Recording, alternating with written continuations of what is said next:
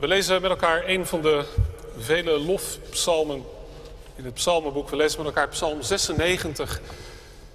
Zing voor de Heer een nieuw lied. Zing voor de Heer heel de aarde. Zing voor de Heer, prijs zijn naam. Verkondig van dag tot dag dat Hij ons redt. Maak aan alle volken zijn majesteit bekend, aan alle naties zijn wonderdaden. Groot is de Heer, hem komt alle lof toe. Geducht is Hij, meer dan alle goden. De goden van de volken zijn minder dan niets. Maar de Heer, Hij heeft de hemel gemaakt. Glans en glorie gaan voor Hem uit. Macht en luister vullen zijn heiligdom. Erken de Heer, stammen en volken. Erken de Heer, zijn majesteit en macht. Erken de Heer, de majesteit van zijn naam. Draag geschenken zijn voorhoven binnen. Buig u voor de Heer in zijn heilige glorie. Huiver heel de aarde als hij verschijnt. En zeg aan de volken, de Heer is koning. Vast staat de wereld, zij wankelt niet. Hij oordeelt de volken naar recht en wet. Laat de hemel verheugd zijn. De aarde juichen, de zee bruisen en alles wat daar leeft. Laat het veld verblijd zijn en alles wat daar groeit. Laat alle bomen jubelen voor de Heer. Want Hij is in aantocht. In aantocht is Hij als rechter van de aarde. Rechtvaardig zal Hij de wereld berechten. De volken oordelen. Trouw aan Zijn woord. Fokke Obbema is journalist voor de Volkskrant. En in 2017 wordt hij getroffen door een hartstilstand. En hoewel hij even dood is, overleeft hij het. Die ervaring maakt dat Obbema niet goed weet hoe hij verder moet leven. Hij vertelt in een interview dat hij voor die hartstilstand altijd deed alsof hij alles in zijn leven onder controle had. Maar ja, als je een paar minuten dood bent geweest, is dat wat moeilijk vol te houden. Na zijn fysieke herstel gaat hij mensen interviewen, hij blijft journalist, gaat hij mensen interviewen over die hele oude vraag: wat is de zin van het leven? En dat levert een prachtig boek op. Met allemaal heel verschillende verhalen en perspectieven. Gemeente van Jezus Christus, wat is de zin van het leven? Nou ja, dat is een uh, behoorlijk enorme vraag. Zullen we maar zeggen. Wij denken meestal wat kleiner. Wat is de zin van naar school gaan? Nou ja, dat je een diploma haalt. Ja, en wat is daar dan de zin van? Nou ja, kans op een baan. Ja, en wat is daar dan de zin van? Nou ja, je moet wel geld verdienen om in je onderhoud te kunnen voorzien. Ja, waarom is dat dan? Ja, kunnen genieten. Ja, en waarom dat dan? Ja, en zo kun je als een kind van vijf door blijven vragen waarom. Wat is de zin van jouw leven? Dat is natuurlijk best een heftige vraag voor een mistige zondagmorgen. Het is een vraag, laat ik maar eerlijk zijn, die, die mij ook best wel verlegen maakt. Ergens is het natuurlijk gewoon mijn beroep, mijn vak, om over dit soort vragen na te denken. En toch, als ik moet gaan antwoorden omdat iemand mij vraagt wat de zin van mijn leven is, nou dan begin ik te stotteren. En ik kom denk ik vaak ook op deelantwoorden. Wat is de zin van mijn leven? Nou ja, een goede vader zijn. Een, een liefdevolle echtgenoot. Dat ze in Amsterdam een beetje tevreden over me zijn. En dat is natuurlijk allemaal niet onbelangrijk, maar om het met doe maar te zeggen, is dat alles.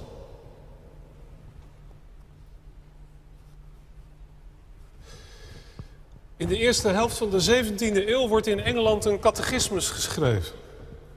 Het is de Westminster Shorter Catechism. En de eerste vraag van die catechismus luidt: What is the chief end of man? Vrij vertaald is dat de vraag naar de zin van het leven. En dan antwoordt de kerk met die catechismus: Man's chief end is to glorify God and to enjoy Him forever. Dus dat het voornaamste doel van de mens is dat wij God verheerlijken en ons voor altijd in Hem verheugen.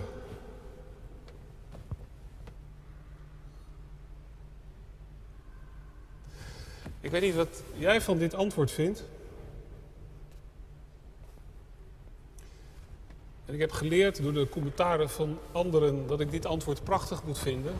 En als ik er lang over nadenk, dan vind ik het ook mooi. Maar als ik het zo zwart op wit zie staan, dan moet ik altijd eerst even slikken.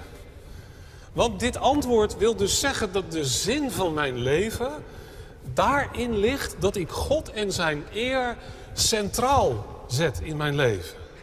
En dat ik het bewonderen en het genieten van God, dat dat nou het centrum van mijn leven is. Nou, daar zeg je nogal wat mee. Wij zijn in onze cultuur en onze tijd er zo gewend aan geraakt. Dat alles zo'n beetje een functie is geworden van ons leven.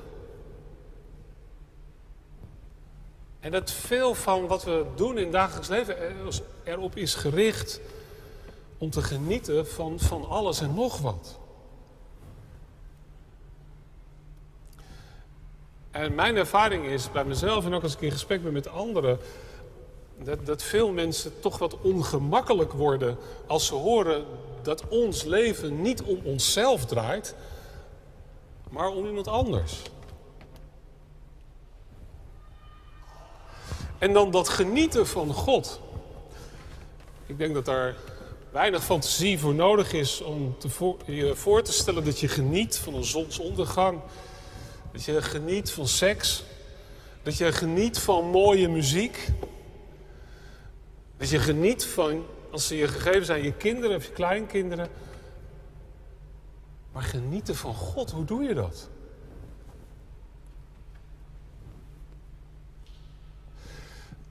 Ik wil het vanmorgen graag met jullie hebben over aanbidding. En dat heeft ermee te maken dat, dat in de gemeente waar ik predikant ben, ons jaarthema is met open armen. En dat thema gaan we op allerlei manieren uitwerken. En je, het viel mij op dat als je met open armen, als je dat intikt op Google, en zeker als je het in het Engels doet, en je tikt dan op afbeeldingen, dan kom je allemaal van die mensen met, met wijd uitgespreide armen tegen die ik meteen associeer met een bepaalde lofprijzings- en aanbiddingscultuur. Ik zie jullie dat hier in de Jacobikerk nog niet zo snel doen als we een loflied gaan zingen. Maar in andere kringen van de kerk is dat heel gebruikelijk. En, en je zou ook kunnen zeggen, aanbidding, eigenlijk is het jammer dat we dat niet doen. Je zou kunnen zeggen, aanbidding is dat wij ons met open armen richting God wenden. Nou, en daar zou ik vanmorgen met jullie over willen nadenken. Met dan aan de ene kant de gedachte in ons achterhoofd dat in de christelijke traditie dus gezegd wordt dat aanbidding, lofprijzing, dat dat de zin van ons leven is.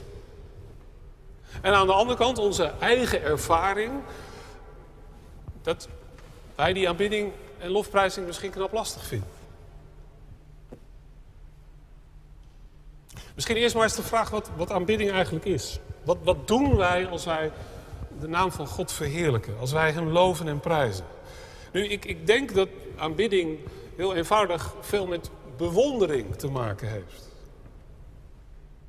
En, en ga maar na bij jezelf. Bewondering is iets wat doorgaans spontaan bij je naar boven komt als je iets ziet wat je bewonderenswaardig vindt. Je, je ziet op het veld een,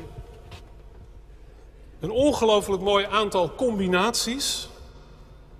En die combinaties die resulteren in een doelpunt waarvan je niet dacht dat het mogelijk was. Of je staat voor een enorme waterval van 50 meter hoog. Of je luistert naar het slotkoor van de Matthäus. Of je ziet hoe iemand zonder aarzelen in het koude water van de rivier springt om een kind van de verdrinkingsdood te redden.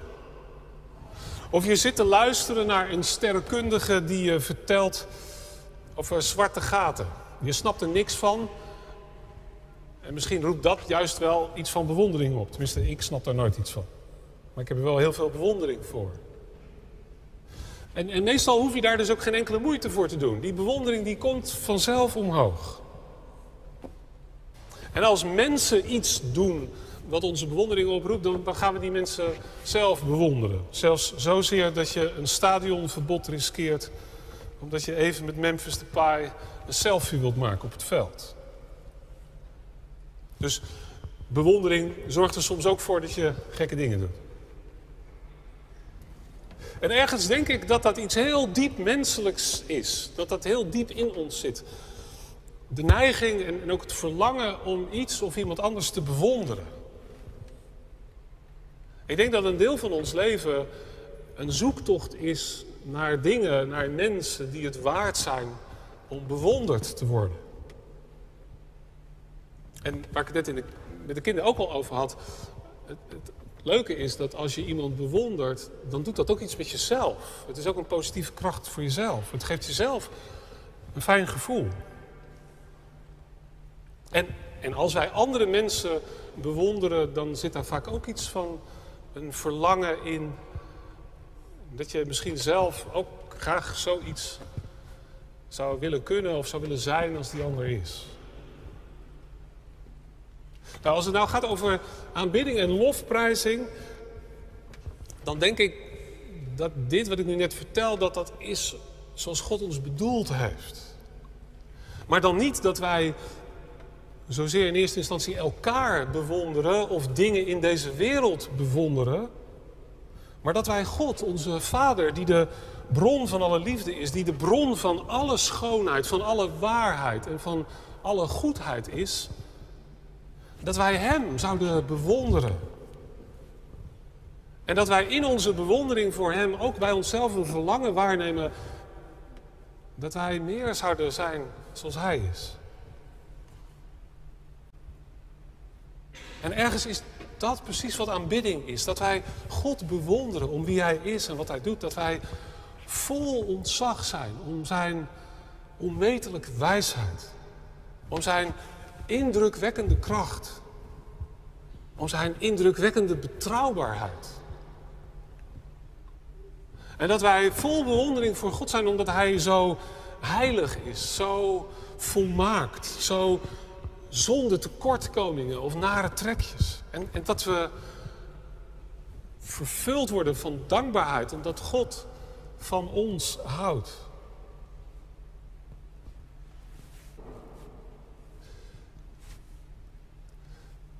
Als aanbidding daar dus mee te maken heeft met, met God bewonderen om wie Hij is en wat Hij doet, ja, dan moet je dat dus ook wel weten. Wie God is en wat God doet.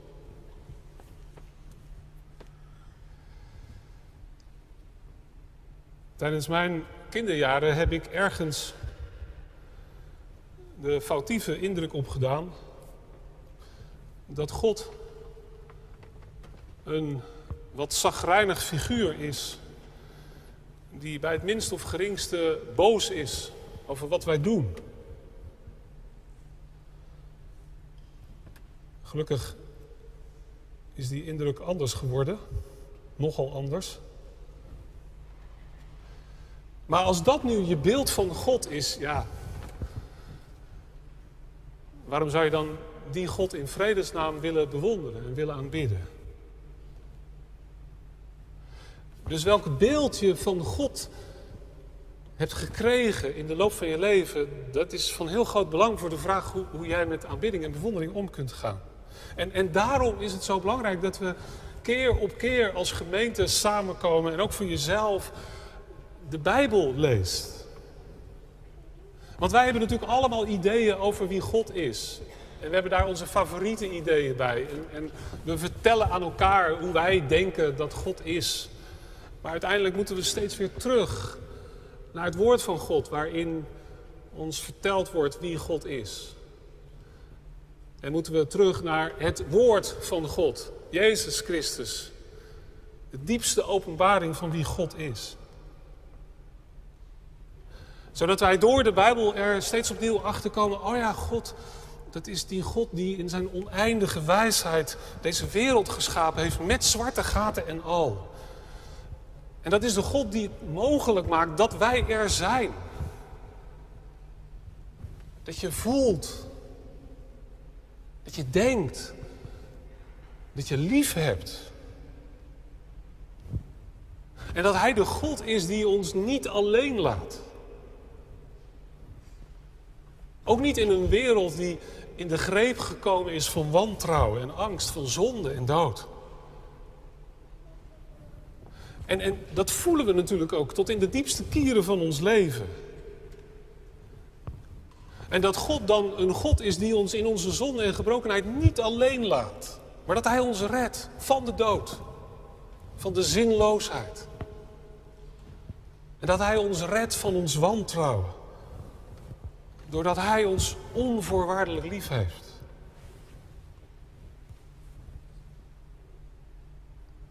En je ziet die beweging ook in Psalm 96. Deze psalm zegt niet alleen dat wij God moeten aanbidden. Maar deze psalm geeft ook allerlei redenen waarom wij God zouden kunnen aanbidden. Omdat God ons dagelijks redt van dag tot dag. Omdat God de hemel gemaakt heeft. Omdat God een God van glans en glorie is. En daar, daar kun je de psalmen op doorspitten. Op noties die je helpen om tot lofprijzing te komen. Psalm 103. Hij vergeeft u alle schuld, hij geneest al uw kwalen, hij redt uw leven van het graf, hij kroont u met trouw en liefde. Hij is liefdevol en genadig geduldig, groot is trouw.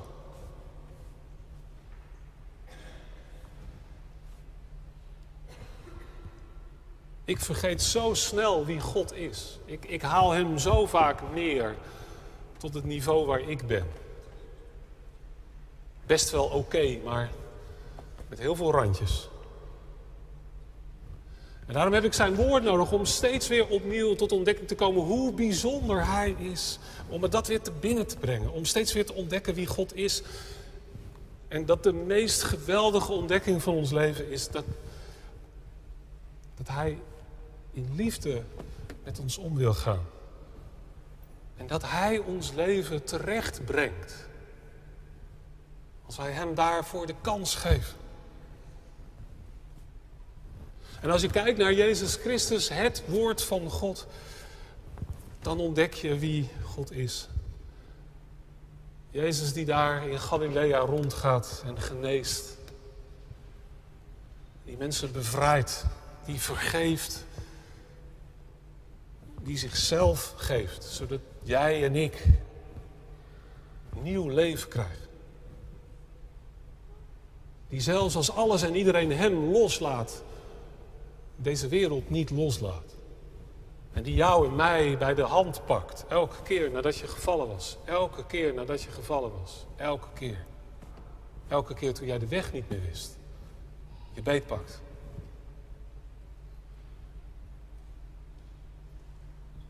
En hoe persoonlijker, hoe beter je God leert kennen. Hoe makkelijker het wordt om Hem te bewonderen en te aanbidden.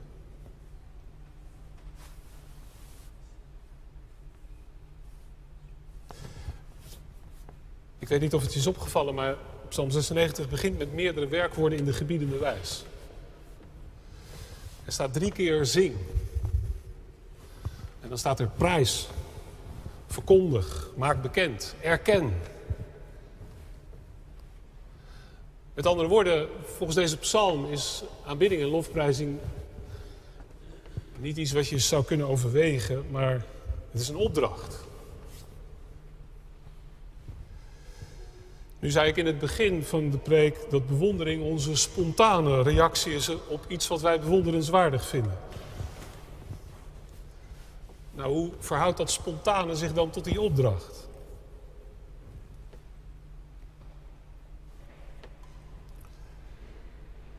Ik zei net al dat wij mensen diep in ons hebben zitten om andere mensen of dingen te gaan bewonderen. Wij bewonderen status. Dat iemand iets voor elkaar krijgt met macht. Dat iemand invloed heeft via geld. Dat iemand invloed heeft via seks. En dat zijn dingen waar we mensen ook om kunnen bewonderen. Er is niks mis mee, want God heeft dat allemaal geschapen.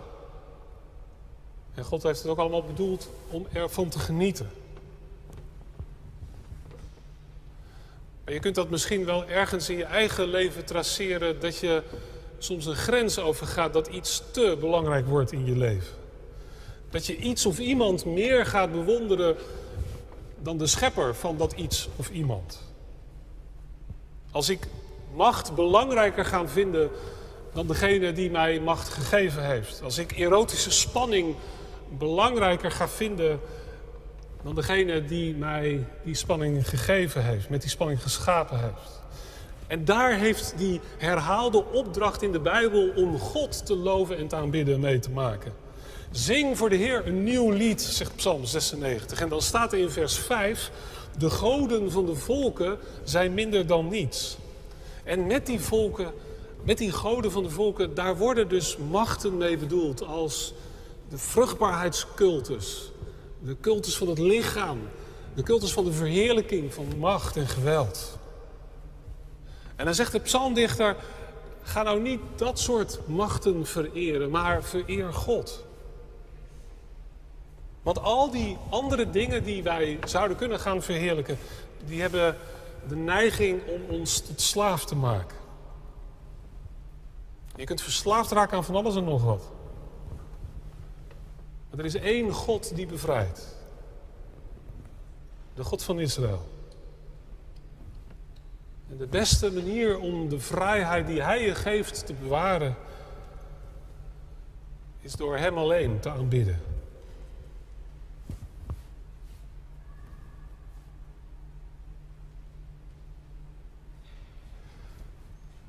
Maar ik denk dat er nog een diepere reden is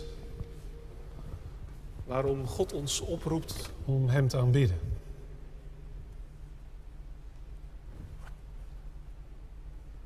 Ik hoop dat je weet wat het is om verliefd te zijn. En dat je het anders zult ontdekken. Als je verliefd bent, dan kost het je geen enkele moeite om in de buurt van je geliefde te zeggen wat je in hem of haar bewondert. Als je verderop in je relatie komt, kan dat soms wat ingewikkelder worden. Hoor je in het begin stromen als het ware de complimenten voor je geliefde over je lippen. En dat je elkaar complimenteert, dat is een hele diepe manier om je liefde voor die ander tot uitdrukking te brengen.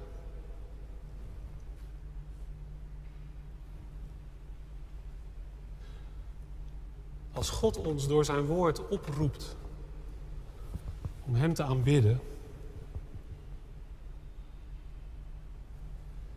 dan is dat niet omdat God een narcistische persoonlijkheid heeft. Maar dan is dat omdat Hij het ons gunt. Dat wij in zo'n diepe relatie met Hem leven. En dat wij tot onze verbazing erachter komen dat wij door Zijn liefde voor ons van Hem gaan houden. Hij die in ons leven soms eerst een vreemde was. Iemand om bang voor te zijn, om op afstand te houden. En dat we merken, ik heb deze God lief gekregen. En daarom wil ik goede dingen over Hem zeggen.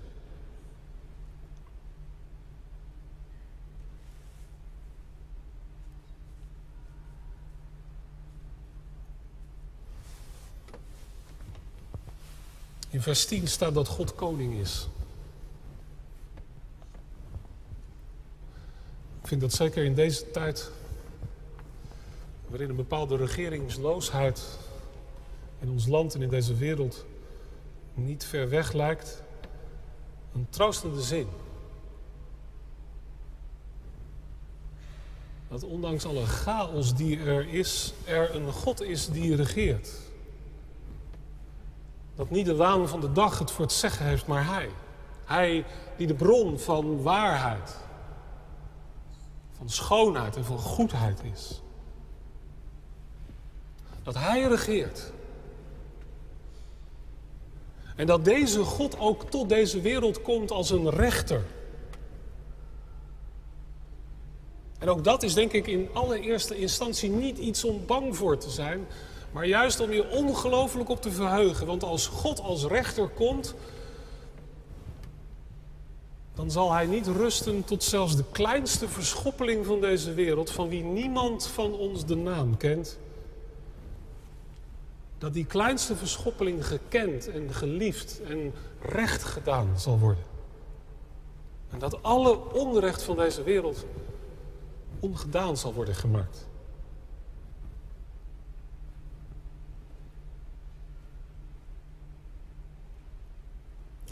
Volgens de Westminster Catechism is de zin van het leven dus dat wij God aanbidden. En als we zo op zondagochtend samenkomen, dan noemen we dat heel uitdrukkelijk, expliciet. Dat is trouwens ook nog wel iets om je te binnen te brengen. Soms zeggen mensen wel eens, ik vind het fijn om naar de kerk te gaan, want ik kom er tot rust. Het ritme van de preek zorgt dat ik even nergens aan denk. Ik weet niet of dat helemaal de bedoeling van een preek is, maar ik herken de ervaring. Je kunt in de kerk tot rust komen. Je wordt er soms op andere gedachten gebracht. En dat is allemaal mooi. En wees welkom. Maar ook dan gaat het nog zo over jezelf. Nee, wij zijn geroepen hier mensen samen om God te eren. Dat het hier, dat het hier nou misschien wel de enige plek is waar het niet over onszelf gaat maar over God. Over de God van wie we nog het beste kunnen zingen. Lofliederen.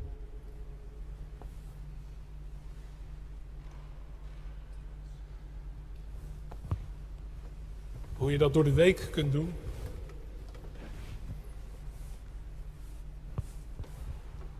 Ik denk dat de meesten van jullie beginnen zoals mijn kinderen de dag beginnen door hun telefoon te checken. Je kunt die gewoonte afleren, maar gewoontes afleren is vrij lastig.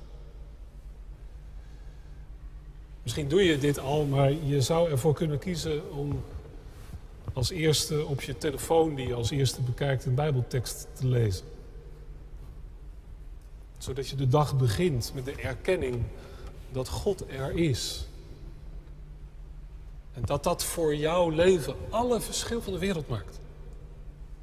Dat je hem dankbaar bent voor een nieuwe dag.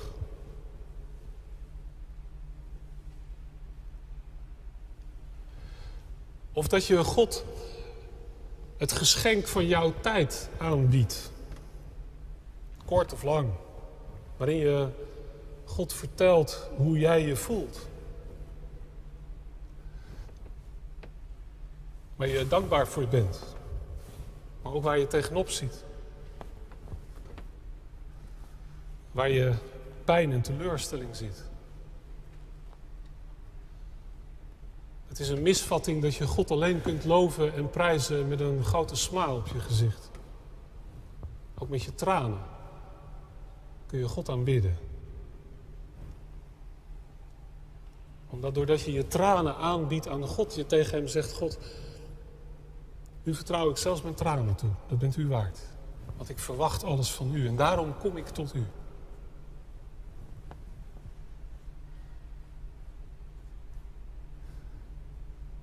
Of dat je probeert om de dingen waar je in de loop van de dag van geniet te verbinden met God. Ik hoorde eens iemand zeggen dat het woordje wauw een heel hedendaagse, ook wel wat platte, maar vooral hedendaagse vorm van inleiding tot aanbidding is. Wauw. Wauw, ik hoor geweldige muziek. God, ik dank u voor mijn oren aan mijn hoofd en het wonder dat muziek is.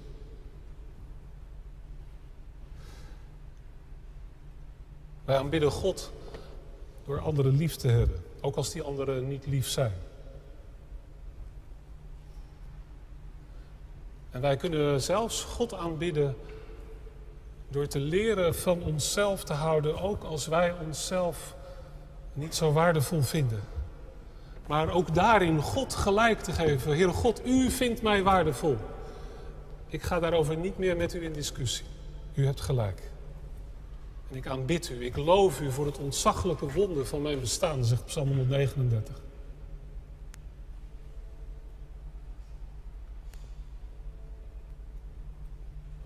En zo is Gods opdracht om Hem te aanbidden een opdracht om in Zijn geopende armen te komen. Om in Zijn nabijheid te leven. Om ons zoeken naar controle op te geven en ons over te geven aan Zijn liefde. En het mooie is, hoe meer je leert om God in Jezus Christus te aanbidden, hoe meer je op Hem gaat lijken. Hoe meer vrijheid en vreugde en vrede er in je leven komt. En door God te bewonderen om wie Hij is, kom je steeds meer tot je bestemming. Kom. Laten wij aanbidden, die koning. Amen.